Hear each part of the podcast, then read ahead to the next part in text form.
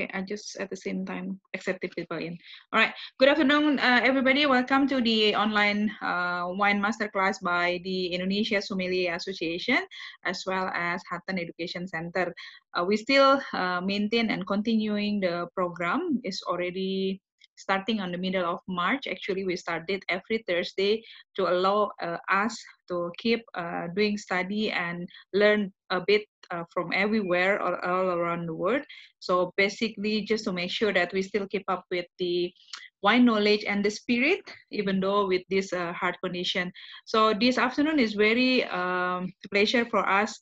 Uh, actually, uh, we not put it as uh, we, we call it a coincidence, right, Barbara?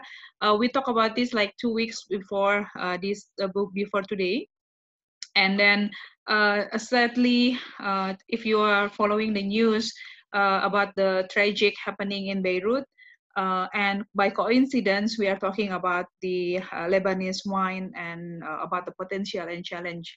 I believe that we will go to the part of more to the potential and the challenges at the same time into the wine uh, talking instead of doing, you know, start to talk about political mm-hmm. and the whole condition, even though uh, we might mm-hmm. need to also condolence all the uh, victim and also uh, everybody in uh, in Beirut who having a very uh, huge uh, difficult time in in the moment. It's not only about the COVID but also about the explosion happening. So this afternoon we have Barbara Josie from actually not from Lebanon but from Switzerland that will be interesting. We will try to find out how and why from Switzerland to Lebanon. Uh, but the thing is like uh, Barbara is a WSET diploma. So she's having a very full knowledge. We are in the right hand of person who will be able to talk us and guide us into the Lebanon, uh, Lebanese uh, wine region. So without further ado, Barbara, uh, I'll let you to uh, introduce yourself and also tell us a little bit background of the story why that in Switzerland, but you are talking about Lebanese wine and those kind of thing. Please. Okay, hello everybody. Good afternoon. Um, I'm pleased to be able to talk to you today. Yes, I'm Swiss and um, I'm a trained Arabist actually, and I've been working on the Middle East for 30 years almost. And in this framework, I was also four years based in Beirut between 2013 and 2017. And that's where I found my wine hobby, let's say. Um, I, I followed the WSET courses, one level one to three in Beirut. And um, yeah, whenever I was off, I would go to hike in the mountains um, and in the vineyards. And I started to visit the wineries and when I returned to Switzerland, yeah, I um, missed it a lot. So I continued to organize tastings on Lebanese wines. We had Lebanese wine days with with winemakers. Um, and and yes, I I uh, did the WSET diploma aside my normal job um, because I wanted to stay with wines. And uh, actually, Lebanese wines, yes, I brought along a lot in a container with me and and uh, they are uh, more and more available in Switzerland as well so um, it's kind of my pleasure and and in these difficult times with with the blast in in, uh, in, in, in Beirut and and all the tragedy and the economic difficulties um, I just thought it's it's the best thing to continue to talk about Lebanese wines and mm-hmm. maybe to make it more known and mm-hmm. to um, invite people to try and drink it and, and if you like of course buy it. Mm. and that's the best thing uh, to show solidarity at the moment to support the lebanese wine industry. Yeah. So would you like to start the presentation then? Yes. Yes.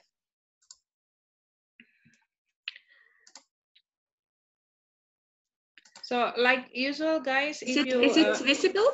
Uh, not yet no. Um... Yeah. So like usual, when uh, Barbara doing the presentation, if you have any question, you just drop that into the chat box. Uh, you have the chat uh, uh, function downstairs. So later on, we will uh, I will read out loud, and we we doing the discussion later on after the presentation finished. All right. Have to try again. Um, yes, I'm sorry. No Is it working now? Yeah, it's working now. Okay. Okay, so the, the topic has been announced by Vidya. Thank you again for having me here to be able to talk about that. I really like to focus on the potential today because the challenges are huge as well, especially now. But um, yes, it's important to to keep uh, the view on the real wine potential. And I start with a quotation from the Oxford Companion to Wine. Um, it needs to be stressed that France owes a great a, a debt of gratitude to early Levantine viticulture. Um, yes, uh, you will just see. I will come and talk about um, history. Just to give a short overview, I like to show some maps, some figures today, and I mentioned to talk about the history of wine production in Lebanon, which is very old. Uh, introduce you into the wine regions, uh, topography, soil, climate, precipitation, viticulture, or the, the basis uh, of, of, of the potential why Lebanon can make good wines. Um, then, of course, uh, the grape varieties, also the indigenous ones, and some trends. And as most of you might be sommeliers, uh, probably um, most important to go into Lebanese wine styles. Mm. I'm sorry that we are not able to taste. Normally, I'm organizing tastings, and of course, practice is always the best. Yeah. Um, so this will be rather theoretical, but maybe it will encourage you to try whenever you will have a chance um, to try Lebanese wines. I've seen that the big producers are available in Asia, at least in uh, Hong Kong, Singapore, China. Unfortunately, in Bali, I think it's only Chateau Musar mm-hmm. uh, from Lebanon, which is available so far. And then very short, and I might skip if we run out of time, something about the export market and the challenges, but mainly I would like to show you some pictures. For those who are interested to go a bit more into depth, there is a biography bibliography in the end, mm-hmm. uh, where you can still watch videos. Um, you can read articles if you like to know more. So I would like to start with Lebanon um, with the map and some figures. As you see, uh, it's this country um, at the eastern shore of the Mediterranean Sea. In the north and east is Syria, in the south is Israel. Um, the latitude uh, of, of Lebanon is 33. Um, so this is just like basically um, much south already. Mm.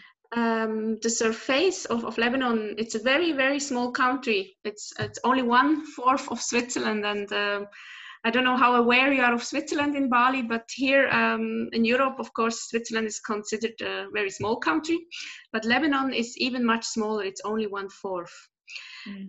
Um, inhabitants uh, still um, kind of interesting because um, there are only about 4 million Lebanese in Lebanon, while there is a huge diaspora. There are like 12 to 15 million Lebanese living abroad. Uh, probably there are some in Bali as well, yeah. uh, but the big majority um, there are um, in France, in Canada. 8 million of Lebanese live in Brazil, for example. And in Lebanon, um, as it is a small country, it's, it's really very dense. And beside the Lebanese citizens, there are a lot of refugees. There are um, mainly Syrian and Palestinian refugees, and there are also some migrant workers. So this is just uh, generally, but now when it comes to wines, uh, most important figure, um, it's a tiny wine producing country. There are only about 2,000 to 2,500 hectares uh, where wines are grown.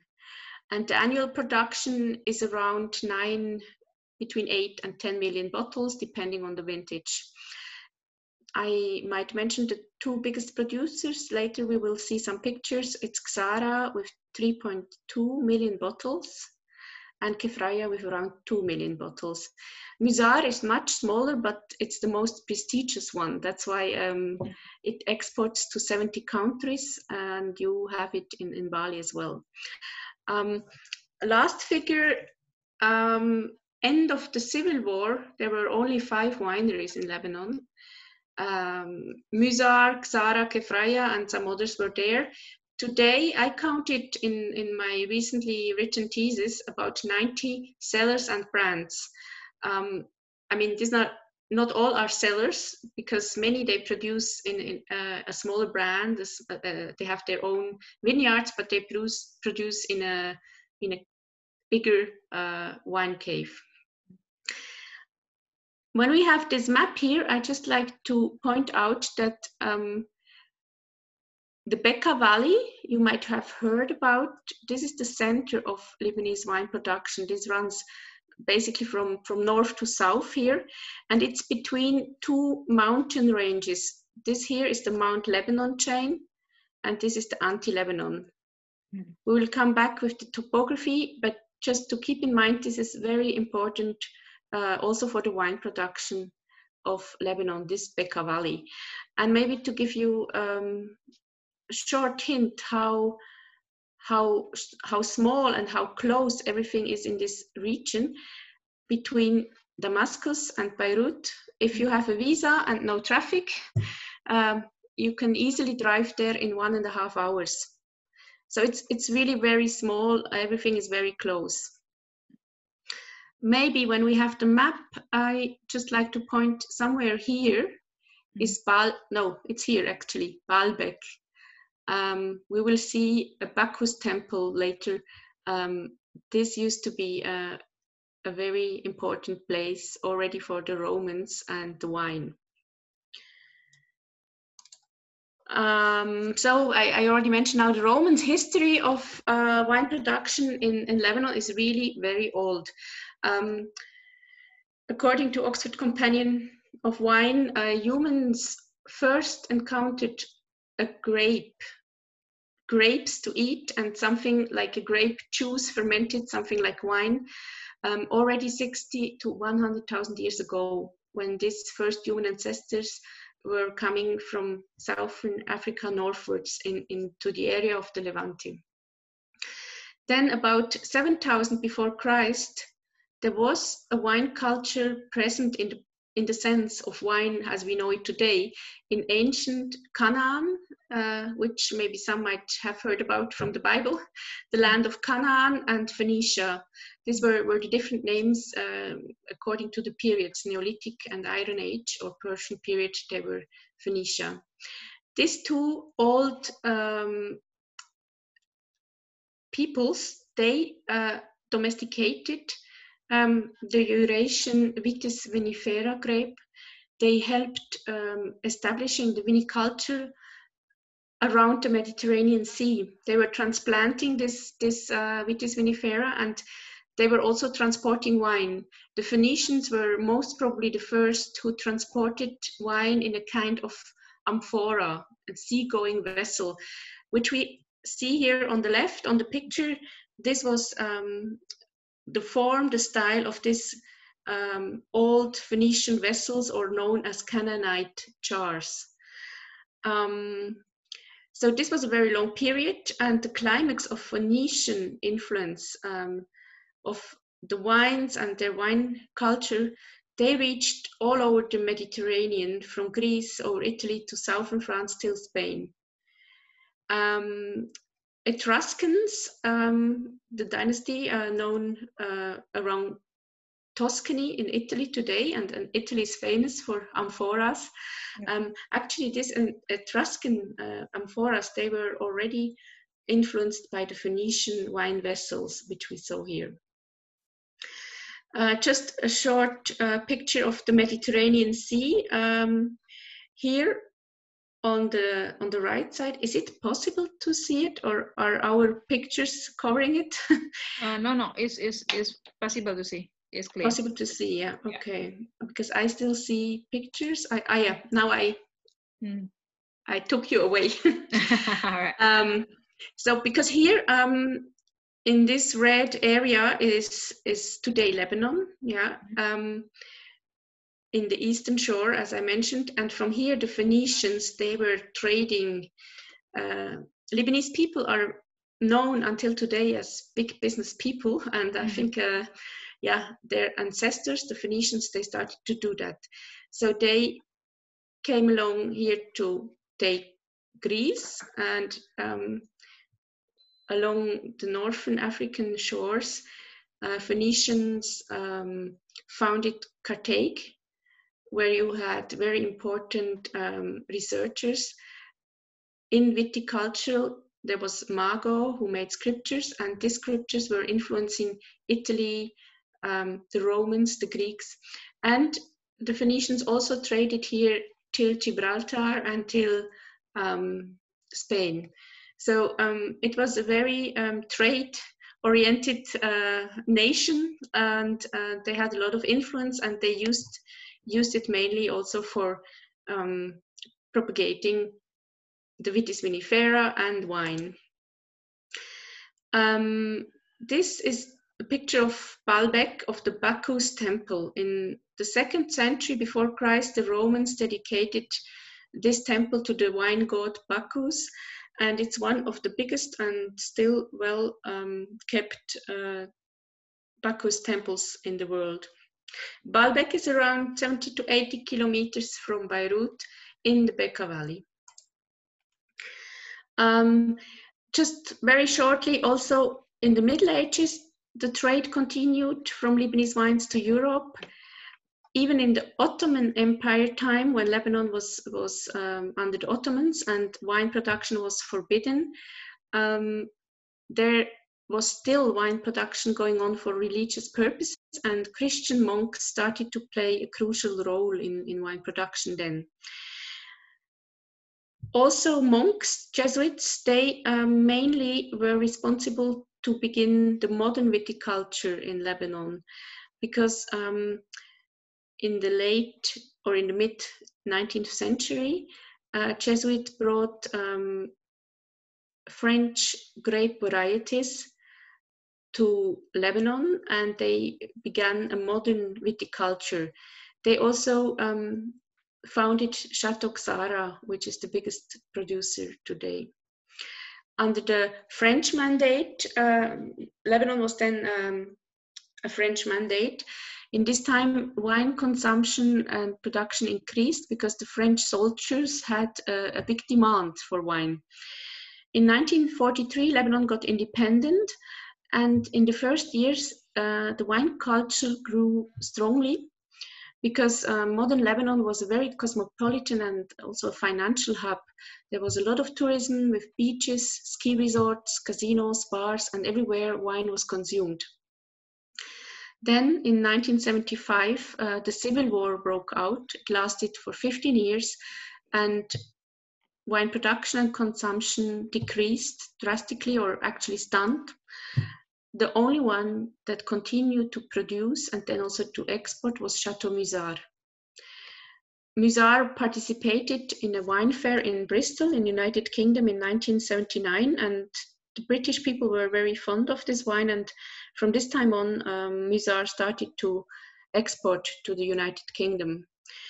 And for about 20 years, uh, Chateau Musar was the Lebanese wine, which was known almost around the wine world, um, but nobody really knew about all the Lebanese wines. And in some areas, it's like this until today. I mean, for those of you who might have tried Musar, it's nothing new, but uh, I just mentioned it's a, a gamey blend. Some people talk about the male wine. Um, it's old style, sometimes used to to have open volatile acidity. Um, but since 2012, we could talk about a new world style. The Musar, the, the red chateau, is a bit uh, more fruit driven, it's smoother, it's rounder. And it's always made from Cabernet Sauvignon, Cinsault, and Carignan. These are, um, let's say, the traditional grape varieties used and uh, made uh, for wine in, in, in, Lebanon until today. Um, we talk about a red wine that is uh, very intense in the nose with blackberries, dried fruits. It's spicy, smoky, leathery, um, and it's full-bodied. On the palate, um, you find good structure, and it has a long finish and an extraordinarily long aging potential.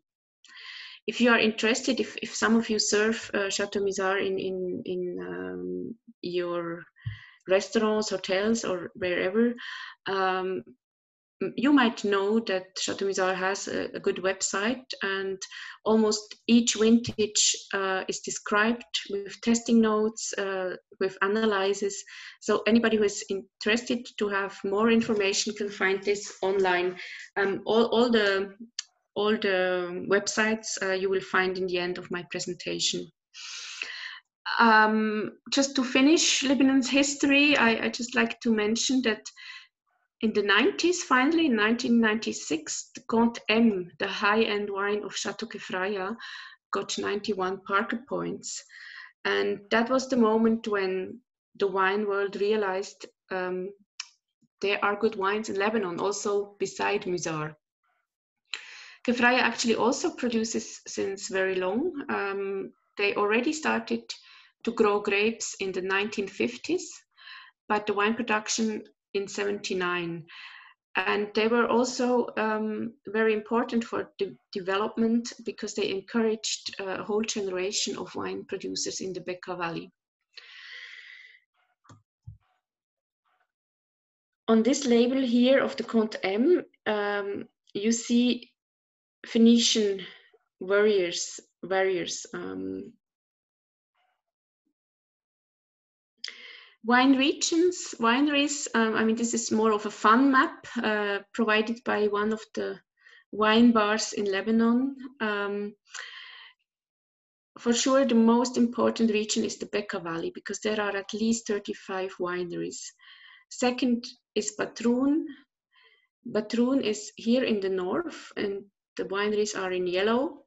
The Bekaa Valley, as you may see here, the blue points, you can imagine how um, the majority of wineries are located there. Um, here is this temple of uh, Bacchus. Um, as I mentioned, it's a kind of, of, fun map. Here you can see the mountain range uh, from, from north to south, from here down. However, the majority I mentioned um, of wineries are in the Bekaa Valley, and the majority of all grape growing is in West Bekaa. This is actually here on the map, it rather looks like south. But we talk about West Bekaa around the village of Kefraya, which also gave the name to Chateau Kefraya. Um, but also Chateau Musar, which winery is located somewhere here, north, north of uh, Beirut. It grows its grapes in the Bekaa Valley in this area of West Bekaa. Central Bekaa um, is important as well because Ksara is there and um, I might show you pictures afterwards of all the vineyards. And in East Bekaa here, um, where is my cursor? Yes, somewhere here in East Bekaa, uh, there are fewer vineyards, rather new, and um, the whole climate is um, drier. We will come to this now. The topography here, again, you see the two mountain chains, chains and um, the Bekaa Valley is actually, yes, it's a valley because it's between the two mountain chains, but it's also a high plateau. It's on an altitude of 800 to 1000 meter.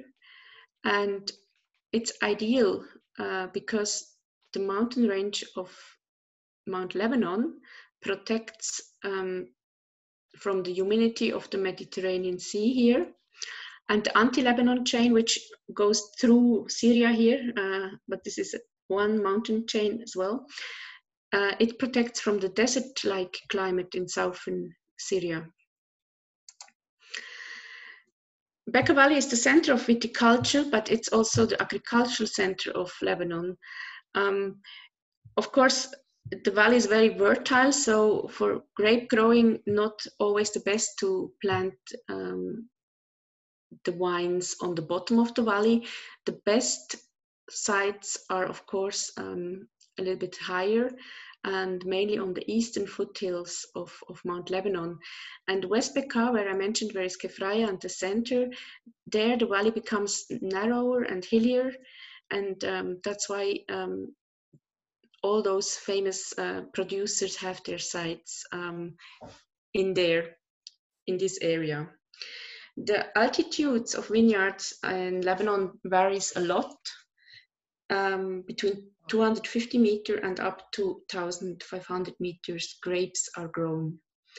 Um, I talked a lot about the mountains. Just the last thing, I mean, uh, the highest peak is more than 3000 meter. That's why also it's possible to ski and you have snow in Lebanon um, and everything very close by. Because it's a small country and because immediately behind Beirut, um, the hills, the mountains start to rise. To give you an impression of the soil, um, the soil is diverse. We have clay mainly in the bottom of the valley, we have chalk, loam, but with up to 80% limestone is dominant. Sometimes you have the the rock uh, that is um, from limestone, as you see here, and there's some gravel, some other material above. These pictures are from Chateau Kanafar in West Bekaa. This winery is curved into the rock. Um, two floors underground, they curved out the mountain in order to have a natural um, cool uh, cooling area. They don't need the AC air condition, um, and they also can work with uh, gravity. So this is a very interesting uh, winery to to be seen. Climate in Bekaa Valley, it's clearly continental. There are hot, dry summers and cold winters. There's plenty of sunshine, um, 300 days a year, and average temperatures are around 25, and they can really vary a lot. In winter, uh, it easily goes down to minus 10. There's a lot of snow, and in summer, it rises up to 40 degrees Celsius. Um, the summer heat is moderated by fresh breezes from the mountain, and in West Bekaa also there's some humidity from the Qaraoun Lake. Again, this is one of the reasons why West Bekaa is such a, a, a, good area to plant grapes. Um, beside the differences between summer and winter, there's also a big temperature difference between day and night. Um, the cool nights enable um, a slow ripening of the grapes, and this helps to keep uh, sufficient acidity in, in, the grapes, which is important um, in this hot climate to still be able to produce um, grapes with enough acidity to well balance. Um, there are few natural hazards. Um, there can be hail, uh, there can be frost, frost mainly at the bottom of the valley. Um, at the coast, at the Mediterranean coast here, uh, it's a clear Mediterranean climate. There are warm summers and there's very high humidity, summer and winter. Um, so mainly these wines have to be um, planted also at a certain altitude, although of course uh, the area is, is lower than the high plateau of the Bekaa Valley. I added this map to show um, a little bit about the precipitation. Um, here, the darkest point, the most uh, precipitation, that's um, mainly also where are the ski areas because you have snow, you have high mountains. And in the Bekaa Valley, you can see that the suitable climate in West Bekaa for uh, grape growing, um, there is enough rainfall while here in East it's almost desert-like, and that's why you won't find um, mm. vineyards or only a few around here. Of course, with the climate uh, warming um, of the last years, there will be additional challenges, but normally um, there was enough uh, snow and rainfall and uh, there are underground water tables uh, and they kept uh, enough um, groundwater for the wines and irrigation was not needed. Exceptions are always possible. Some years are really hot and some others have more rain. Very short about viticulture. Um, as I mentioned, the dry climate in, in Bekaa Valley, uh, this helps um, to really keep interventions uh, very little. There are a few mildew treatments, um, but many actually they farm organically, they are not certified because the state of Lebanon does not provide any institute uh, who would do that. Um, but they are most of the winemakers are very quality concerned, and they they um, try to be um, interventionist as little as possible. Around 50% are still bush wines, uh, but there's an increasing tendency to put wines on wires and average yields are around five tons per hectare. So this two viticultures and now grape varieties.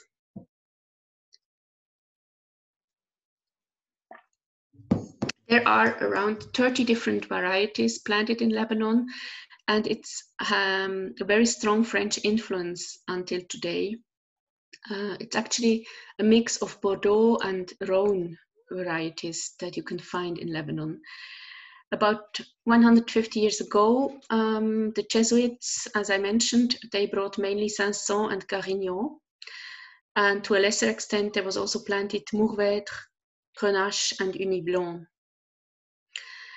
After phylloxera, end of 19th century, and after the Civil War in 1990, um, mainly French and international varieties were replanted. And I mentioned here the most important ones are Cabernet Sauvignon, Merlot, Syrah, beside the, the Cinsault and Carignan, which, which I mentioned up already. A lot of red blends, red chateau level Lebanese wines contain um, these three varieties, Cabernet Sauvignon, Merlot, or, and Syrah, or as you have seen with Musar, Syrah, um, Cinsault, and Carignan. But nowadays you can find also some very good wines from Cabernet Franc. Some winemakers they uh, have Tempranillo, there's Touriga Nacional, Sangiovese. They try um, many different varieties. Even there are three wineries that make Pinot Noir, which is of course difficult in this hot climate. But I know in the case of Saint Thomas, Chateau Saint Thomas, they even won a prize in, in, in a Swiss competition on, on Pinot Noir. And they have um, Pinot Noir planted on, an, on a high altitude. Um, I'm not 100% sure. I think it was somewhere between 1,300 meter or even higher. When it comes to the white um, varieties, um, the big majority of white wines are made from Chardonnay and Sauvignon Blanc.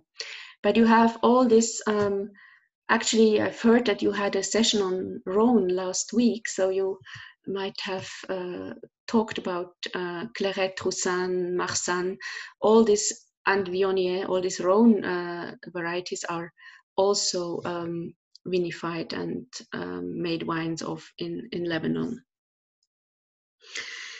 Indigenous grape varieties um, are traditionally they are there, uh, but many were lost during Ottoman Empire or due to phylloxera, and many are traditionally used for the production of arak. Arak is something like ouzo, the Greek aniseed spirit, or like pastis, the French you might know. Mm-hmm. Um, it's still the the number one uh, spirit drunk in Lebanon. It fits well the local cuisine, the local uh, meze. Um, so many winemakers started um, after the 1990s. They were hesitant to use indigenous grape varieties. It was seen as table grape or for arak production. But in recent years, there has been a search for authenticity, and uh, many more have made um, wines from indigenous grape varieties. And this is mainly, there are mainly two white ones that are important. There's Obeidi and Merwah. Um, according to José Vouillamoz, uh, the, the big uh, ampiologue, uh, he found uh, Obeidi is actually a Chardonnay clone. And I think it's not yet um, proven scientifically, but um, probably Merwah is a Semillon clone. However, these two are considered by the Lebanese are um, indigenous ones and they are promoted. Um, so far, there's only one red indigenous grape variety, Sabaghi, and only one um, winemaker made um, a commercial wine out of it. Chateau Musar again was was uh, the pioneer. They first used Obeidi and Merwah, in in, in um, their white chateau already in the 1950s. Maybe some of you, if, if you have Chateau Musar um, on your wine list, probably it's red, but maybe some have the white chateau. And as I mentioned, international trend and uh, the awareness of Lebanese winemakers grew that people like local varieties. So they are growing, testing, vinifying more. Chateau Kefraya is even running a small nursery and tries um, to rediscover forgotten indigenous grape varieties. Um, as examples, I have um, two Obeidis uh, mentioned by Wardy and Saint Thomas, and for Merwah, it's Kefraya and Ksara. They um, produced single variety Merwah. Actually, Ksara designed its Merwah especially for the export market because um, there was this international demand for authentic wines. On the labels, um, this trend to go towards uh, identity, to, to look for uniqueness is also reflected you can find Arabic scripture. This is the Obeidi of Saint Thomas. And on the label, there is Arabic Kufi scripture um, used. The same on the Merwah of Ksara, they write uh, Merwah in Arabic letters. Mm. This is new because normally um, the whole uh, wine production was very much French influenced, as Lebanon in general. So um, normally people would follow um, rather French um, naming. Even you can see that most of the wineries are, are not called winery, but they are called chateau, following the French the trend towards authenticity is also shown, um, for example, on, on this bottle. This is an amphora wine. Chateau Kefraya first uh, made an amphora wine in 2017. Um, this is a picture of, of, of um, an amphora at Chateau Kefraya. I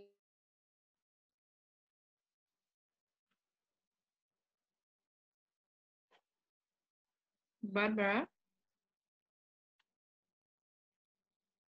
We're losing you? Viticulture. Another example is Mago of Chateau Kanafar. They use um, the cuneiform script on the label. And Mago is, uh, was a big writer on viticulture, so they dedicated um, this wine to him. Lebanese wine styles. Um, Lebanon can be considered a red wine country. That's clear because of its southern latitude, because of uh, the hot climate, and also the most famous and awarded wines of Lebanon are red. To describe them, Lebanese wines, normally Lebanese red wines, are opulent, they are rich in tannin, sometimes with very high tannin expressive in fruit, fully bodied. They can age very long, and normally they're vinified with a strong extraction. Often they have very high alcohol, but generally it's well balanced and counted with good extraction. Um, some sometimes I, I, mentioned it before, uh, the cool nights in the Bekaa Valley, they help uh, to retain sufficient acidity uh, in the grapes in this hot climate, which helps uh, to balance the high alcohol. Um, mostly the red wines are matured for five years.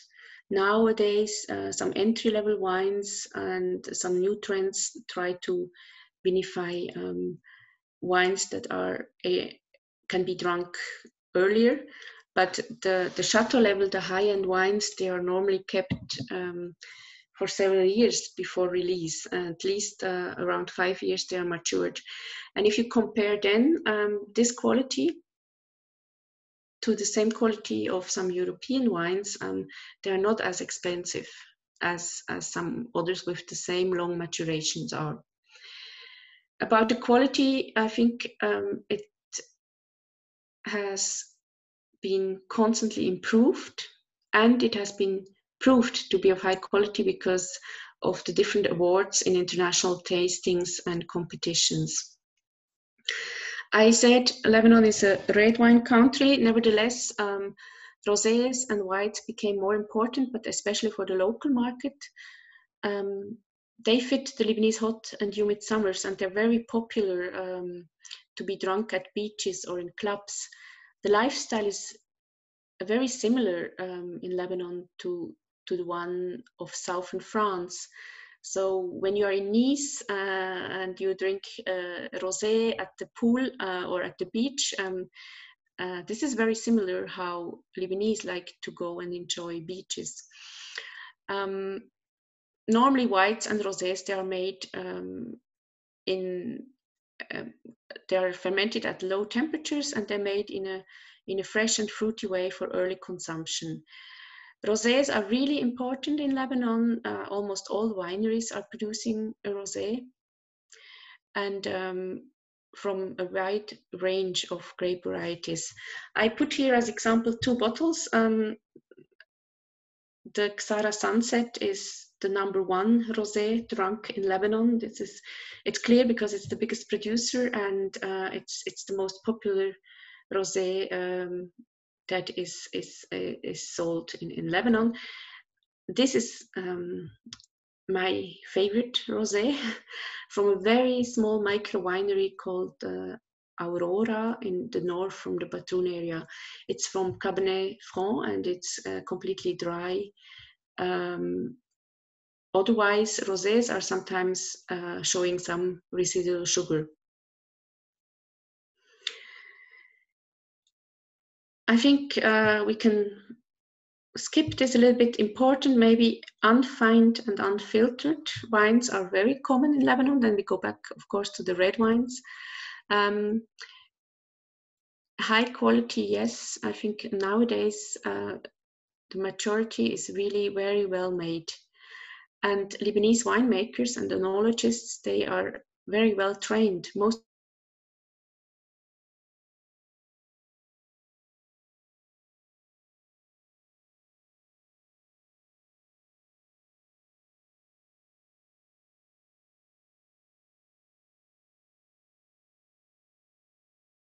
winemakers uh, of Atibaia or Wardy. Um, she was uh, working and studying in Burgundy. So um, it's it's uh, a big plus for the potential also that they have very knowledgeable winemakers. And they still have a lot of cooperation with France. There are a lot of consultants from France coming, and um, the quality is assured in many ways legal framework, um, just most important, yes, Lebanon is member of the OIV, the Organization for, Inter for Wine and Wine. Uh, there is a private association of the vintners.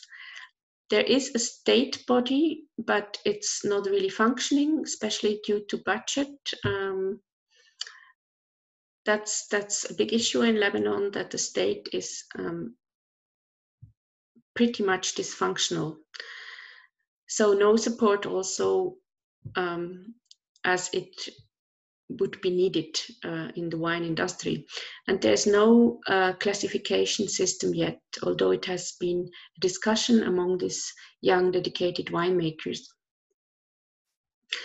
Export market, just to show this table, it's clearly United Kingdom which um, receives the most uh, important um, share of Lebanese wines. Uh, number two is France, um, followed by USA and so on. All of these countries here um, have big Lebanese diasporas, and the export functions very much through the Lebanese diaspora. Um, the gastronomy is very famous. Uh, Lebanese open restaurants also in also in Iraq. They have a lot of uh, expats working there. So um, that's why um, export to this country is important. Brazil, uh, which might not be known as a as a country to drink a lot of wine, it's already on rank 11. And I mentioned before uh, there are about 8 million Lebanese living in Brazil. So again, there the diaspora helps uh, with the export. The 70 countries, um, this is Chateau Musar, which exports to 70 countries. Um, I'm going to skip the challenges. Somebody who is interested can still read because it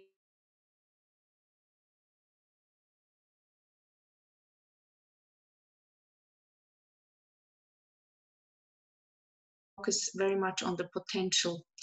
And now I prefer to show you some pictures of vineyards. Um, those uh, wineries um, in the Mount Lebanon area and the central and in the West Bekaa. This is the cave of Chateau Musar. Um, I remember I've seen bottles back uh, from 1934. Uh, I remember um, it's a real old cave with a lot of spider webs, a lot of dust, but they keep it like this on purpose and they say this is the best protection against light. Um, Chateau Musar is a family run um, winery. Um, it has been founded already in 1930 by Gaston Hochar. Today again, Gaston Hochar, his grandson, is um, leading the winery. Uh, in between was the son of the founder, Serge, and the father of, of Gaston, the uh, CEO today. And he was a man of the year in Decanter uh, in 1984, because I think his contribution to the Lebanese wines can't be overestimated. He was the one who continued production during civil war. He was aware that exports are needed because um, with the civil war, the tourism broke down. Nobody consumed uh, a lot of wine anymore. So he discovered the export, and this is what uh, leads um, many uh, winemakers until today. Um, the reputation of Lebanese wine until today is strongly connected to Chateau Musar and Serge Hochar. Besides the famous Red Chateau, they uh, some call it the cult wine. They also have um, a white chateau. They have a second wine, and they have an entry-level red, which is very popular, the Musar Jeune, at the, at beaches and pools and in clubs. I'm skipping this. This is a, um, a note on, on, on, on the vintage 1999 uh, description of, of, the wine tasting note. If any of you has Chateau Musar in their restaurant and they would like to have a description, you can go to the website of Chateau Musar and you can uh, read, um, if it helps, um, about the tasting notes and uh, exact analysis of, of, of each wine. Um, then I would like to come to Chateau Ksara. I mentioned several times now it's the biggest producer. For me, important also because it was the provider of WSET courses. They brought WSET courses to Lebanon in 2016, I think. Um, and this gave me the chance to start studying wine. Um, it was funded by the Jesuit, as mentioned before, but it's owned by a consortium of Lebanese businessmen. Today, it's the number one in Lebanon and it exports also to 44 countries. Um, here it's, it's the winery, the entry, and this was at the wine fair. Uh, Chateau Ksara has by far the biggest number of different wines uh, produced. They do, for example, five different rosés. Very special about Chateau Ksara is really um, the cave because it's a natural labyrinth. Uh, it's a for, former Roman necropole, which was discovered incidentally uh, by the monks. And ever since then, you have like about five kilometers underground cave um, where they store the barrels, and it's it's just amazing to visit it. Um, pictures of Chateau Ksara vineyards in the central Bekaa Valley. Here you can see the whiteness of, of of Bekaa Valley. It's it's a huge it's a huge valley. There is there is flat land. Same um, Chateau Ksara vineyards in Central Valley. You will see the difference to West Bekaa, which is hillier. Zahle Heights, which is above Zahle, where, where Chateau Ksara is located in Central Bekaa. Um, I just like to show these two pictures because um, this is one of, of many very nice um, boutique wineries, small micro productions. Um, and uh, the wines of Domaine de Baal, he, he, Sebastian Khoury is the winemaker, the owner. Um, he, he was working in Bordeaux, and um, his second wine, the Petit Baal, is really one of my favorite just to drink every day. Um, here I've taken it to the river close by um, my home now in Switzerland, and um, every Swiss I've opened it so far, they really loved it. And to show the mountains with snow, I added Chateau Khoury. Jean Paul Khoury is actually the cousin of Sebastian, but they're running independent uh, wineries. Um, just to show that above the Bekaa Valley on the hills, um, here Zahle Heights uh, in the Central Valley, there are very good vineyards. Then we come to Chateau Kefraya. Um, I'm skipping this. Anybody who likes to read the content, the description of, of, of the vintage 2014 could do so. Um, it's also, it's a winery. They only produce wines from their own grapes. And it's, as I said, the second producer after Ksara and they export to 35 countries. Musar is um, smaller but exports to more countries. Here you have pictures from the vineyards of Chateau Kefraya. So you can see it's less flat, it's um, hillier, it's West Bekaa. Again here, and here you see some Roman tombs. Uh, again, they are not used to store wine like at Ksara, but uh, when you go and visit the vineyards, you can also go and see these uh, Roman caves. Up here, you see some vineyards, and that's where Kefraya continues, and then it goes over to Chateau Kanafar, which we will still see as last. But this is still a picture of um, of uh, Chateau Kefraya. I had a picture of the amphora before. Chateau Kanafar, um, a little bit more uh, to the south in West Bekaa, but very close to, to Kefraya. Uh, is also having some of my favorite wines. Um, it's a boutique winery, and just as examples, I really like the Eva, the daughter, which is uh, who is um, dealing with sales and marketing. Um, she's called Eva.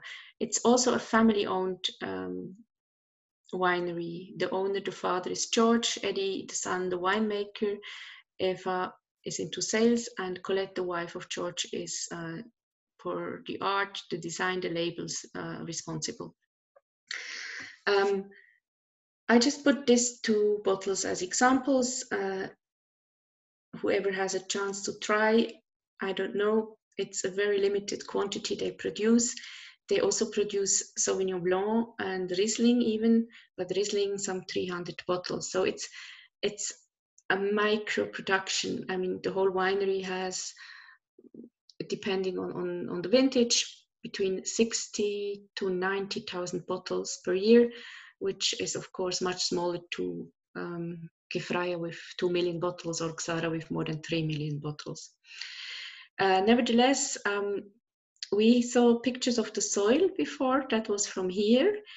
Uh, the winery is still not uh, finished. Uh, it's, it's fully uh, functional underground. The two floors, they curved into the rock um, and they're producing, but still here they plan to finish and to do a restaurant.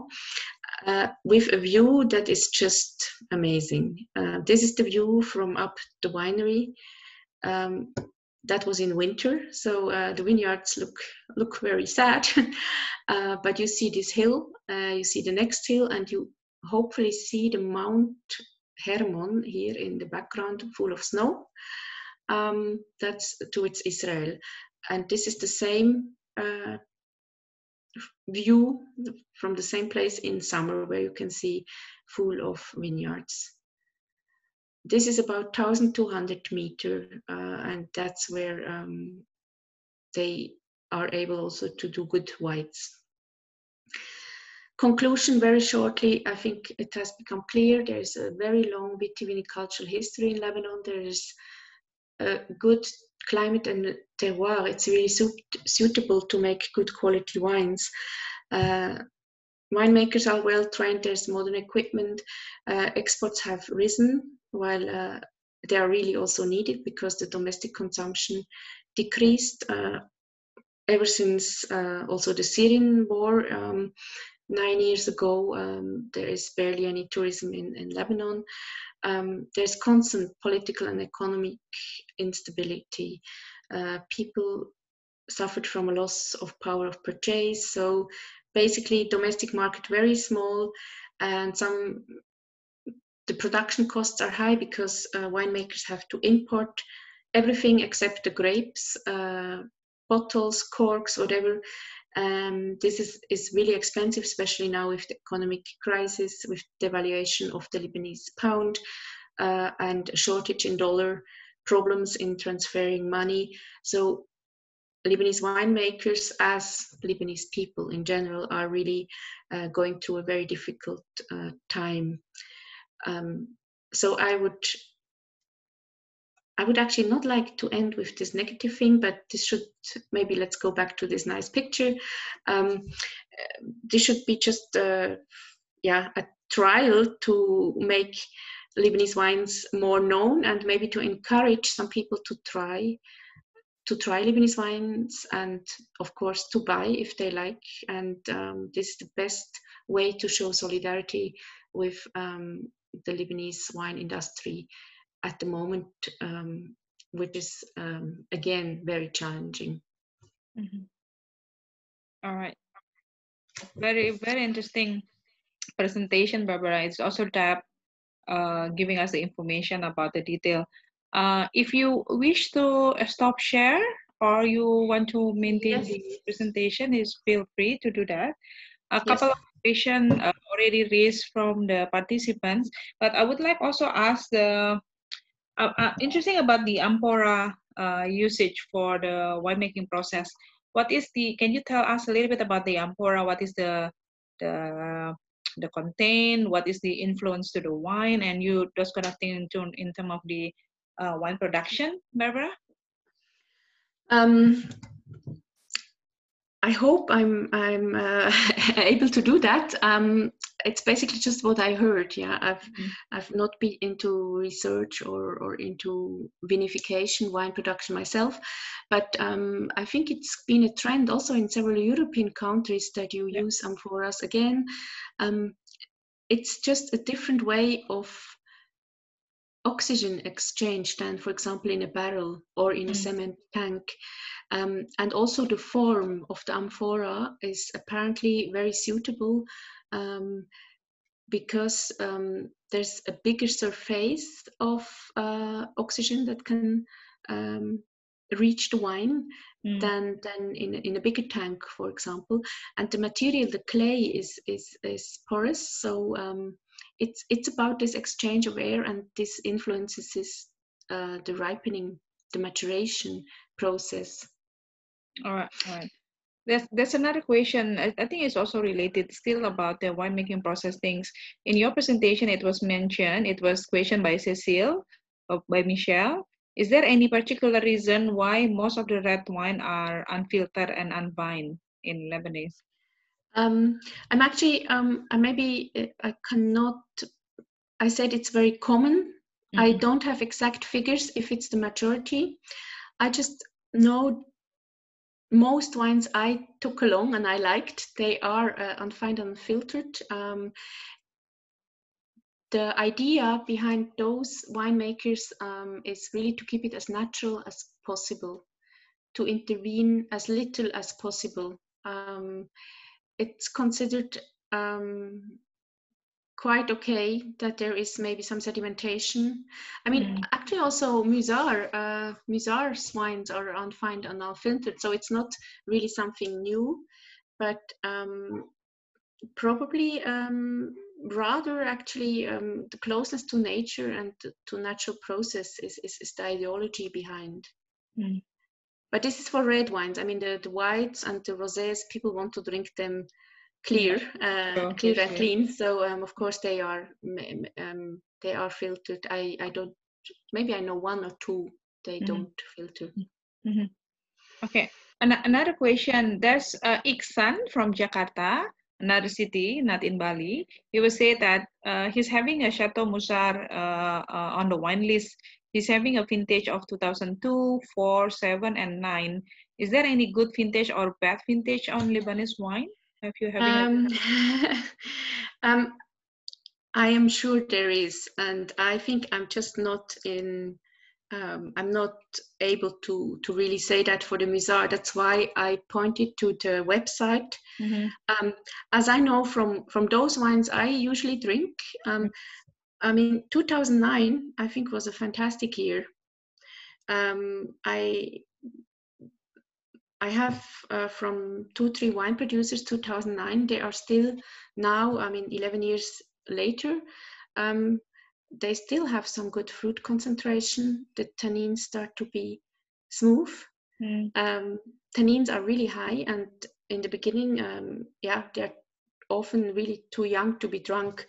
I also liked um, 2012 from several um, vintages but what we have to say in general about vintages, I mean, Lebanon's climate is very stable. It's not Bordeaux.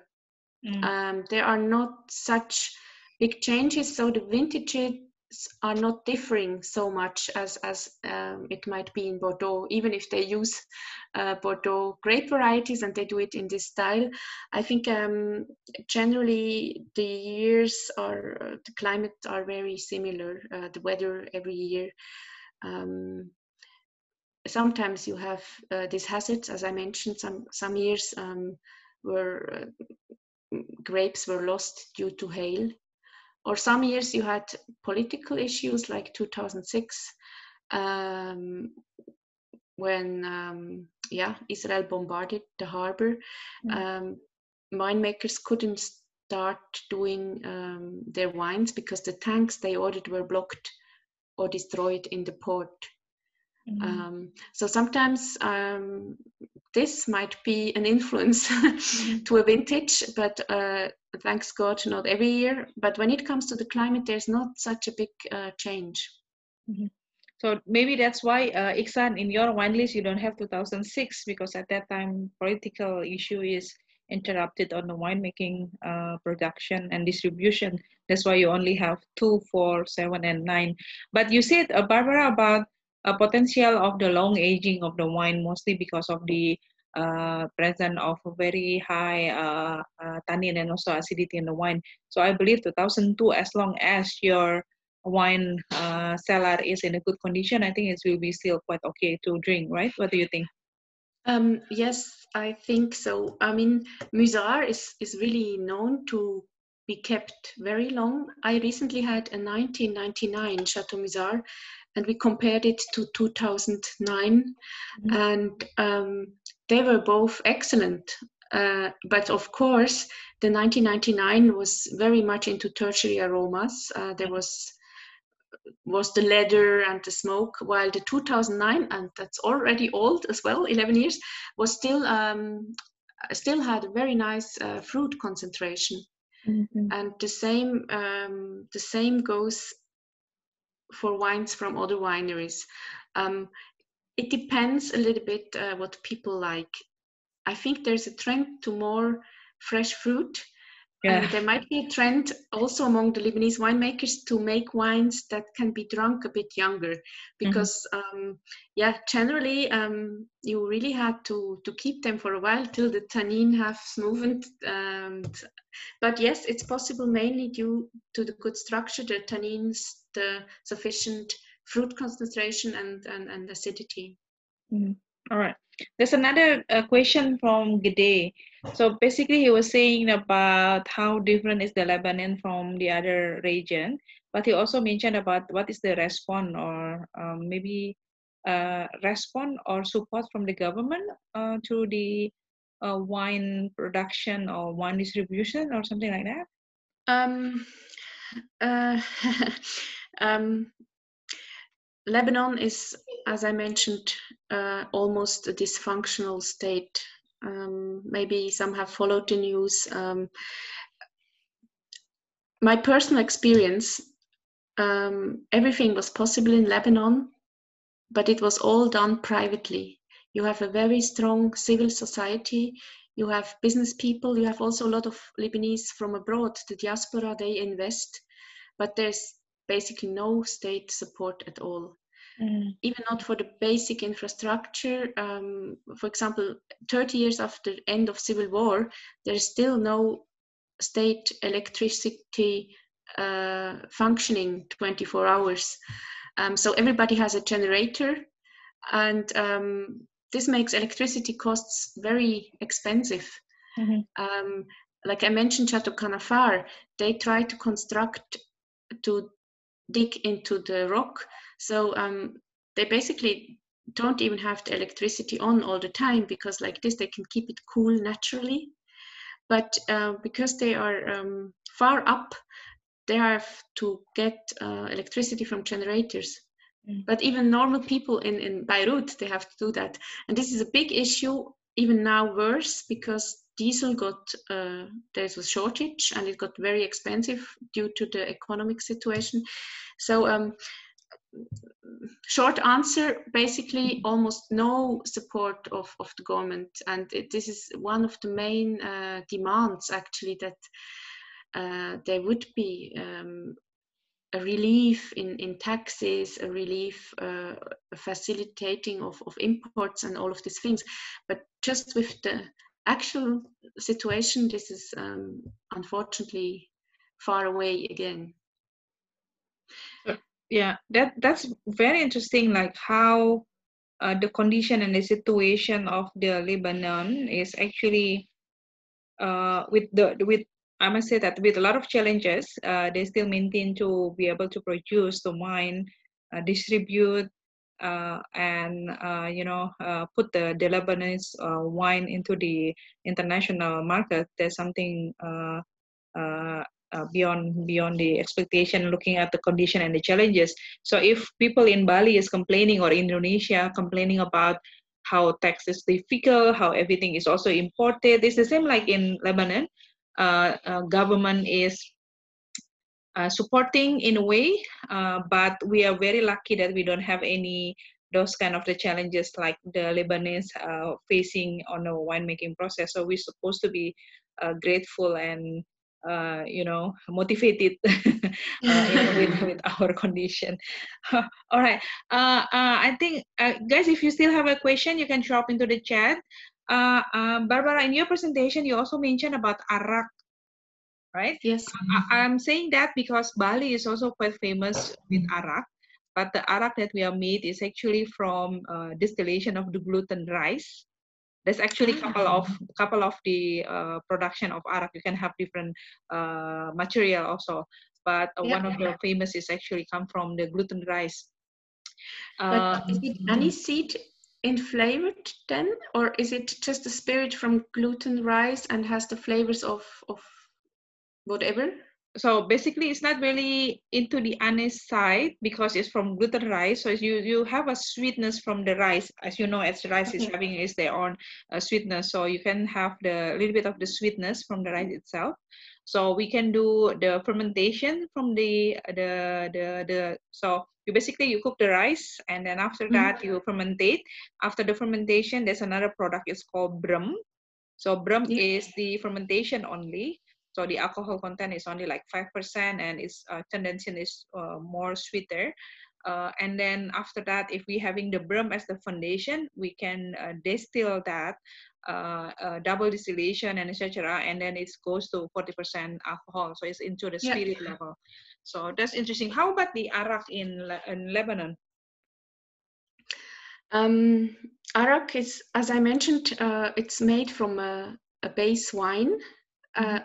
the wine often produced from Ugni Blanc or from these indigenous grape mm-hmm. varieties, mm-hmm. um, distilled at least three times and many even do four times. And it becomes a very high alcoholic uh, spirit, um, mostly 40 to 50%. Um, I'm, I'm not quite aware of all, mm-hmm. but um, it's drunk normally not pure, but diluted with water.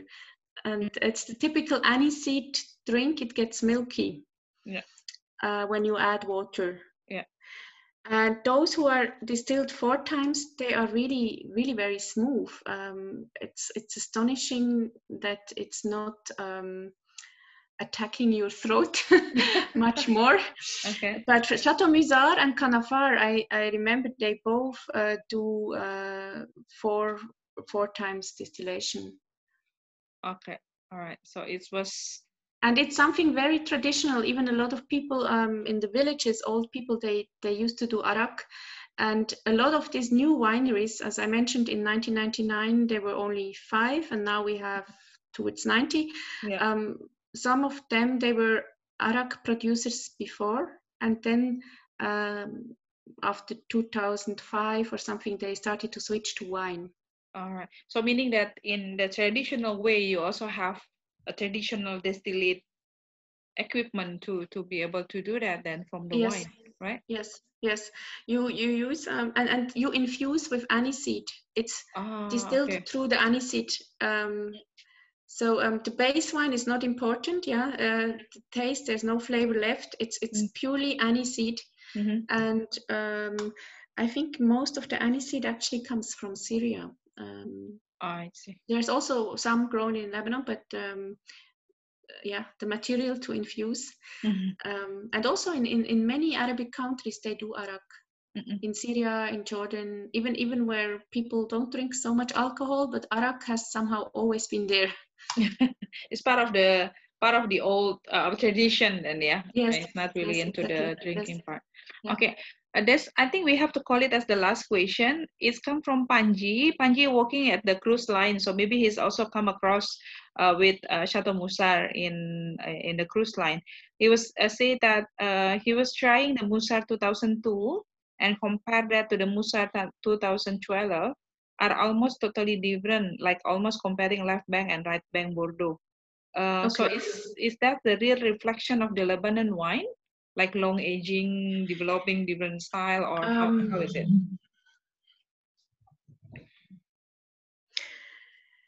I think that Musar um, changed uh, in 2012. As I mentioned a little bit, um, it there became um, a little bit uh, cleaner, mm-hmm.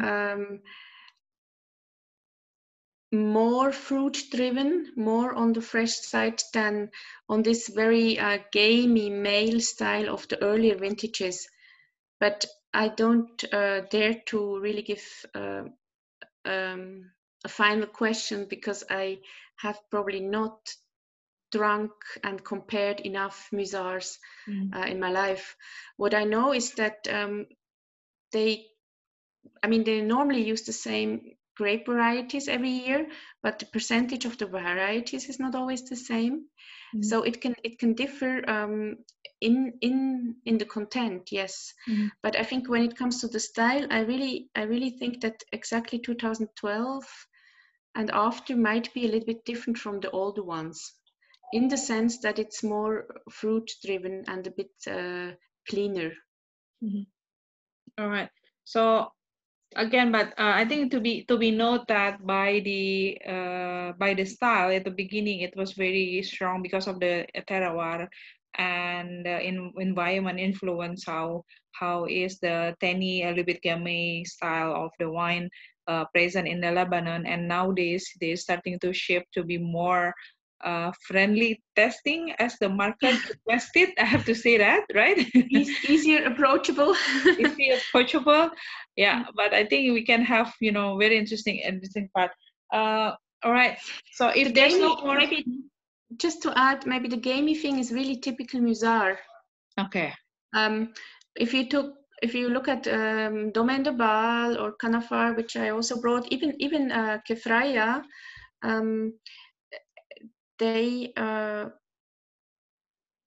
chose uh, maybe also different varieties to include Merlot and Syrah.